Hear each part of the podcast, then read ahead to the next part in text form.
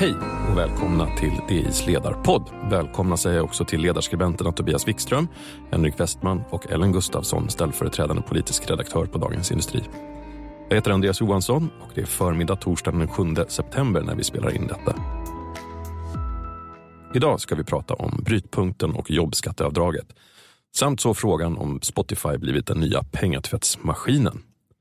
På söndagen meddelade ju finansminister Elisabeth Svantesson att regeringen stoppar höjningen av brytpunkten för när man börjar betala statlig inkomstskatt. Istället för att höja till 57 000 kronor i månaden som den skulle ha gjort om man räknat upp brytpunkten med inflationen så ligger den nu kvar på 51 000 kronor vilket ska finansiera ett jobbskatteavdrag på 11 miljarder. Ellen, du skrev att man häpnar i måndagens DI. Om vi börjar lite med lite bakgrund. Varför denna reaktion? Dels för att det är en 180 graders omsvängning i politiken från regeringen och dels för att man så ogenerat använder Socialdemokraternas retorik. Och om man börjar då med hur det såg ut efter att budgeten presenterades eh, förra året så fick ju regeringen ganska hård kritik från Socialdemokraterna för att man inte stoppade höjningen av brytpunkten. Och det handlar helt enkelt om vid vilken lönenivå man börjar betala statlig inkomstskatt eh, som ju automatiskt ska räknas upp med, med inflationen. Och beslutet att att låta den höjningen ske eh, försvarades ändå av regeringen med näbbar och klor och de kallade Socialdemokraternas beslut att pausa den här uppräkningen för en höjd skatt för, eh, för de som betalar statlig inkomstskatt. Och eh, Ulf Kristersson stod i en eh, debatt i tv och sa att eh, det var en sanslös politik, det som Socialdemokraterna gjorde, eh, att göra det i en tid när folk tampas med, med höga räntor och hög inflation. Eh, och nu kan vi ju se att han och hans regering gör precis samma sak själv, trots att vi har högre räntor nu än vad vi hade, vi hade då. Och det andra handlar ju då som sagt om retoriken. Eh, det här jobbskattavdraget som presenterades tidigare i veckan, det är ju fantastiskt bra. Eh, men det finansieras ju då genom den här pausade brytpunkten. Och eh, det menar regeringen och Elisabeth Svantesson är rättvist eftersom att det är en skattesänkning för, för vanliga löntagare, säger man då. Jag skulle säga att det är anmärkningsvärt sätt att, att utmåla personer som betalar statlig inkomstskatt på det här sättet, som att alla de här skulle vara miljonärer rektorer. Eh, I den här gruppen så finns poliser, rektorer, barnmorskor. Eh, det är personer Gruvarbetare. Inom, ja, precis. Det är personer inom sjukvården som kanske tar ett extra pass på helgen eller natten. Eh, och Elisabeth Svantesson använder då alltså precis samma uttryck som Magdalena Andersson gjorde två veckor tidigare när de presenterade sitt förslag på sänkt skatt. båda talade alltså om den här rättvisa sänkningen för vanligt folk och att man så oblygt anammar en socialdemokratisk syn syn på, på skatter och olika löntagare eh, tycker jag är ganska sorgligt faktiskt. Det är nästan mer upprörande så att säga än själva beslutet att pausa brytpunkten. Det här är ju ett sätt för Moderaterna att desarmera frågan, eh, tror jag. Därför att eh, nu kan Socialdemokraterna inte riktigt ösa på med kritik om detta. Men man, man betalar ett väldigt högt pris när man så att säga underkänner sin egen grundpolitik. Det har ju också visat sig i eh, eh artiklar i Expressen att det inte är så att säga så att Sverigedemokraterna har ställt kabinettsfråga på det här. Eh, utan det är, eh, de ville visserligen inte höja brytpunkten, men Moderaterna la sig direkt. Eh, om de uppgifterna stämmer så är det Moderaternas analys att det här går inte att gå fram med i detta läge när Socialdemokraterna eh, har så fina opinionssiffror. Vad säger det här om tillståndet i Moderaterna och relationerna mellan Tidöpartierna? Ja men nu det är precis som Tobias är inne på, alltså om man ska tro Elisabeth Svantesson själv så säger hon att det här är någonting som alla fyra partier är rörande överens om. Det verkar inte ha varit en särskilt stor konflikt i, i den här frågan. Eh, och eh, jag ja, då får man ju också så att säga, då hålls man också ansvarig för det här beslutet på ett helt annat sätt än om man hade sagt att det var en eftergift. Eh, jag tror att reaktionerna hade varit helt annorlunda om, om Moderaterna hade sagt att man förlorade den här frågan. Eh, det hade inte varit särskilt konstigt som sagt i, i en budgetförhandling. Eh, men, men det gör man ju inte, eh, utan eh, det verkar ha varit så att man, man la sig ganska enkelt i den här frågan. Eh, så om man ska tro då hur det fungerar inom Tidöpartierna så går det väl ändå ganska bra. Där är det frid och fröjd. Eh, men inom Moderaterna så har det ju blossat upp en ganska hård kritik ändå. Eh, och det gäller inte minst från företrädare i Stockholm. Eh, och eh, kanske då att den här kritiken och missnöjet dämpades något i och med att man presenterade jobbskatteavdraget. Men jag tror att missnöjet inom partiet är större än det som syns eh, utåt så att säga i debatten. Och jag håller verkligen helt med med Tobias. Att jag tror att det här säger någonting om att man är väldigt defensiva nu. Alltså man, man vågar inte eh, ta den här konflikten mot Socialdemokraterna. Jag tror man skräms av deras höga opinionssiffror. Det kommer ju nya idag. De har ju rekordnivåer och sådär. Sam, samtidigt så eh, inkomstskatterna är ju det som diskuteras. Eh, det är det som människor möjligen kan begripa lite av. Eh, samtidigt så kommer då Elisabeth Svantesson i Dagens Industri idag och berättar att eh, skatterna för företagare, alltså de här 3.12-reglerna, ska göras eh, mer generösa. Så någonstans så eh, har de ju förstått vad, som jag då tycker, vad Sverige behöver. Eh, men den här 3.12-frågan, där finns det en konfliktlinje med Socialdemokraterna, men den är inte publik. Den är lite svår att göra en, valfråga av. Så det är i alla fall eh, en sak som är bra att man fortsätter på den linjen. Det här aviserade Elisabeth Svantesson i våras tror jag det var att, att eh, 3.12-reglerna skulle bli bättre och att expertskatten för utländska experter som kommer hit ska förlängas från fem till sju år. Ett väldigt tydligt önskemål från, från innovativa företag att, att fem år är för kort tid för att locka hit experter med den här lägre expertskatten. D där vågar man ju någonstans stå för sin politik. Just det. Eh, det. På ett sätt som man då inte vågar i frågan om brytpunkten. Jag tror att det handlar om att det är en, en teknisk svår fråga att eh, kanske nå ut och man, man tror inte att man, man vinner några väljare på det helt enkelt och då så släpper man den. Eh, på ett sätt som jag, jag tror är ganska skadligt på sikt. Vad ska man göra den dagen man vill, man vill höja den igen? Då kommer det här dyka upp. Eh, hur man, den retoriken man använt den här gången. Socialdemokraterna har kritiserats för att närma sig Moderaternas politik. Nu närmar sig Moderaterna Socialdemokraternas politik. Vad säger det här om det politiska tillståndet? Alltså det, eh, skattepolitiken brukar ju ändå vara den, den stora slitytan mellan höger och vänster. Och plötsligt är det inte det. När det gäller inkomstskatter, det som gäller var och en av oss, så är den enda skillnaden för närvarande att Socialdemokraterna vill ha ett förvärvsavdrag som alltså ger lägre skatt till alla Eh, oavsett sorts inkomst, så att säga, även om man går på bidrag eller är förtidspensionär och så. Medan eh, eh, Tidöpartierna vill att det ska vara ett jobbskatteavdraget, det ska vara för löntagare bara. Plus att de då inkluderar ålderspensionärer också i en annan skattesänkning. Men det, det är ingen större skillnad helt enkelt. Mm. Nej, precis. Och det man kan tänka sig är ju att de här två, de största partierna eller eh, de statsbärande partierna, Socialdemokraterna och Moderaterna, på marginalen försöker nå varandras väljare genom att göra så här. Eh, och eh, skillnaderna minskar ju då givetvis drastiskt i den ekonomiska politiken som ska vara den stora vattendelaren. Eh, och det gör ju också, skulle jag säga, samhällsdebatten lite idéfattig. Det, är, det, det ska inte vara så små skillnader mellan de två stora partierna.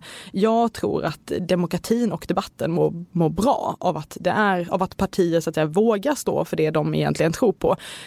Magdalena Andersson påpekade det själv när de presenterade sin skattesänkning. Att det, det, att det var ovanligt, att det är ingenting man brukar höra från dem. Så att säga. Så att det, det sker ju en, en slags samling in i ja, mot mitten om man kan säga så, från, från båda hållen. Det finns naturligtvis någon fördel i det att Socialdemokraterna och Moderaterna lite grann tävlar i att eh, sänka skatten för det som numera även Elisabeth Svantesson kallar vanligt folk. Men de högsta marginalskatterna är ju oförändrade. Eh, och eh, det är ju uppenbarligen en svår sak för borgerliga partier. Under alliansåren, alltså 2006 till 2014, så togs inte den här värnskatten bort, alltså de fem extra procentenheterna på toppen, utan det gjordes under eh, januariavtalet eh, av helt andra partier så att säga. Och det, det tycker jag säger en del om hur känslig den här frågan är för, för Moderaterna trots att vi då, eh, Sverige har bland de högsta marginalskatterna i hela världen. Och jag, jag, tror egentligen att det här är Socialdemokraterna som har drivit regeringen till att göra, den, göra de åtgärderna som man har gjort nu. För tidigare i våras så, så la man ju fram, eller remitterade i alla fall ett skatteförslag som handlar om att man ska slopa den här avtrappningen av jobbskatteavdraget som, som Socialdemokraterna eh, genomförde. Eh, och så att det fanns ju uppenbarligen med i korten att man skulle genomföra det nu i den här budgeten budgeten. Nu har vi som sagt inte sett hela, men det är väldigt svårt att se att de skulle gå fram med det, givet att man då pausade eh, själva brytpunkten. Expressen gör varje vecka podden Politikrummet där vi djupdyker i det senaste och viktigaste inom svensk politik. Med mig, Filippa Rogvall, som programledare tillsammans med mina vassa kollegor. Och det är ju ni som heter Thomas Nordenskjöld, Anette Holmqvist och Viktor Bartkron. Politikrummet kommer med ett nytt avsnitt varje tisdag. Vi hörs. Hej, Ulf Kristersson här. På många sätt är det en mörk tid vi lever i. Men nu tar vi ett stort steg för att göra Sverige till en tryggare och säkrare plats. Sverige är nu medlem i Nato. En för alla, alla för en.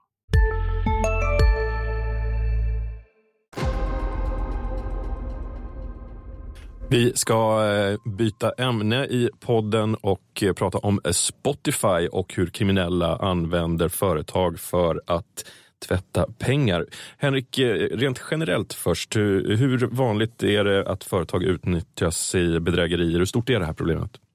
Det är ett väldigt stort problem, ett växande problem. Ehm, och då måste man tänka på att den kriminella ekonomin är ju en kontantekonomi. Man hanterar kontanter och det blir ju väldigt svårt i ett land som Sverige där vi eh, använder kontanter allt mindre som ett betalningsmedel.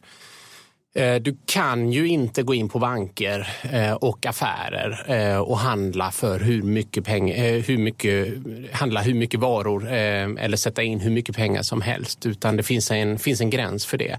Du går inte in till din klockaffär och köper en Rolex för 150 000 utan att någon ställer frågor om det.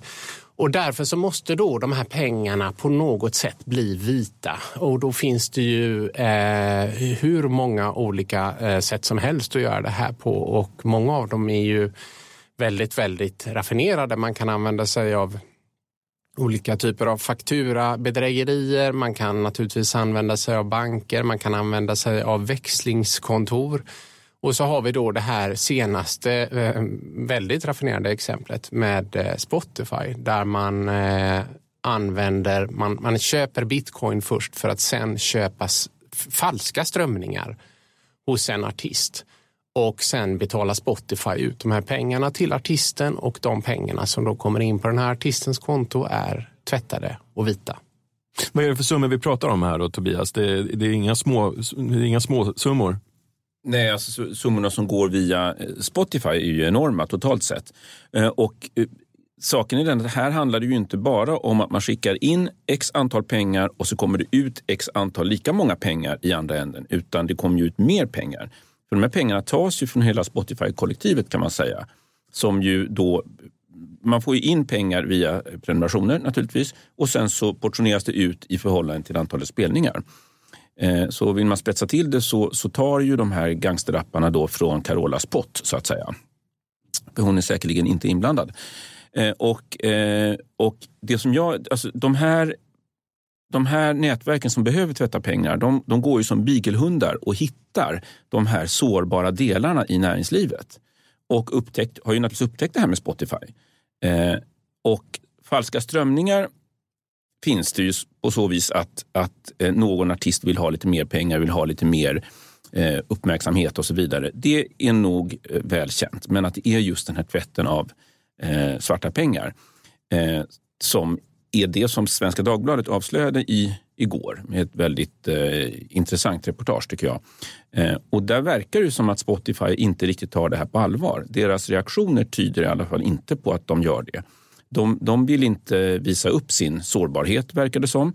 De avfärdar detta och jag tycker det är väldigt osnyggt av ett börsnoterat, mycket, mycket världskänt svenskt varumärke och en, en, ett konsumentbolag är det ju. Och att man säger att det finns inga bevis för det när man då har de här gangstrarna, eh, kriminella som i detalj sitter och berättar och redogör för hur de använder Spotify för att eh, tvätta pengar. Det går liksom inte att förstå varför de inte säger att vi känner till det här, vi jobbar hårt med det, ni kan lita på oss att vi gör vad vi kan.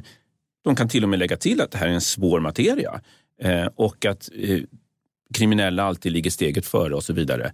Men eh, alltså, det, det, är viktigt för ett sådant stort företag att visa att man gör vad man kan.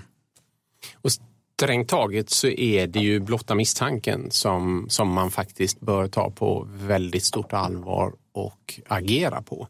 Och som, som du var inne på eh, Tobias eh, i en text här i veckan eh, så finns det ju en parallell man kan dra till, eh, till banker svenska banker eh, som ju drogs in i den här penningtvättsskandalen i Baltikum för ett antal år sedan. Eh, och där har det ju inte kunnat eh, i alla fall klarläggas att eh, de här bankerna gjorde sig skyldiga till penningtvätt. Men, men misstanken fanns ju och det var ju helt förödande för de här företagens anseende och också aktiekurser. Eh, nu vet vi inte svaret än eh, i, i, en av de här stora bankerna, Swedbank. Men, men, men, men det finns ju det finns ju då de här farhågorna om att de kan ha varit delaktiga i det och det kan ju rendera enorma böter. Och en nästan obligatorisk eh, ingrediens i det här med penningtvätt är att det har funnits en rapport, det har funnits någon revisorsanmärkning, det har funnits någonting i den stilen som sen inte har kommunicerats utan man har försökt stuva undan det.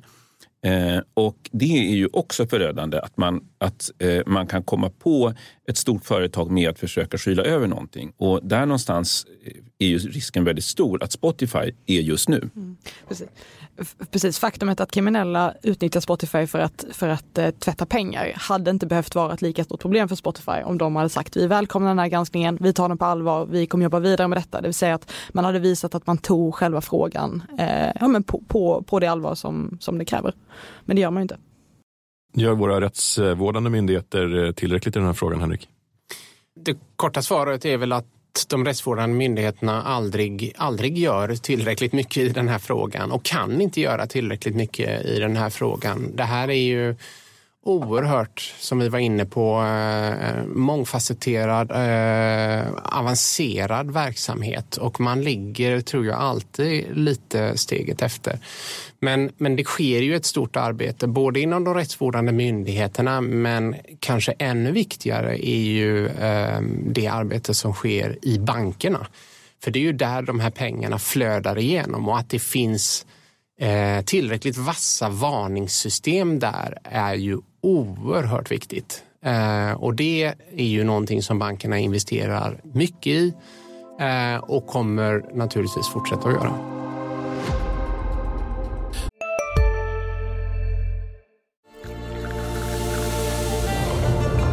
Välkommen till Maccafé på utvalda McDonalds restauranger med Baristakaffe till rimligt pris. Vad sägs om en latte eller cappuccino för bara 35 kronor? Alltid gjorda av våra utbildade baristor. Hej, Synoptik här. Hos oss får du hjälp med att ta hand om din ögonhälsa. Med vår synundersökning kan vi upptäcka både synförändringar och tecken på vanliga ögonsjukdomar. Boka tid på synoptik.se. Stort tack för det Henrik, Tobias och Ellen. Missa inte våra andra poddar. Digitalpodden, Makrorådet och Analyspodden. Ansvarig utgivare är Peter Fällman. Vi hörs igen nästa vecka.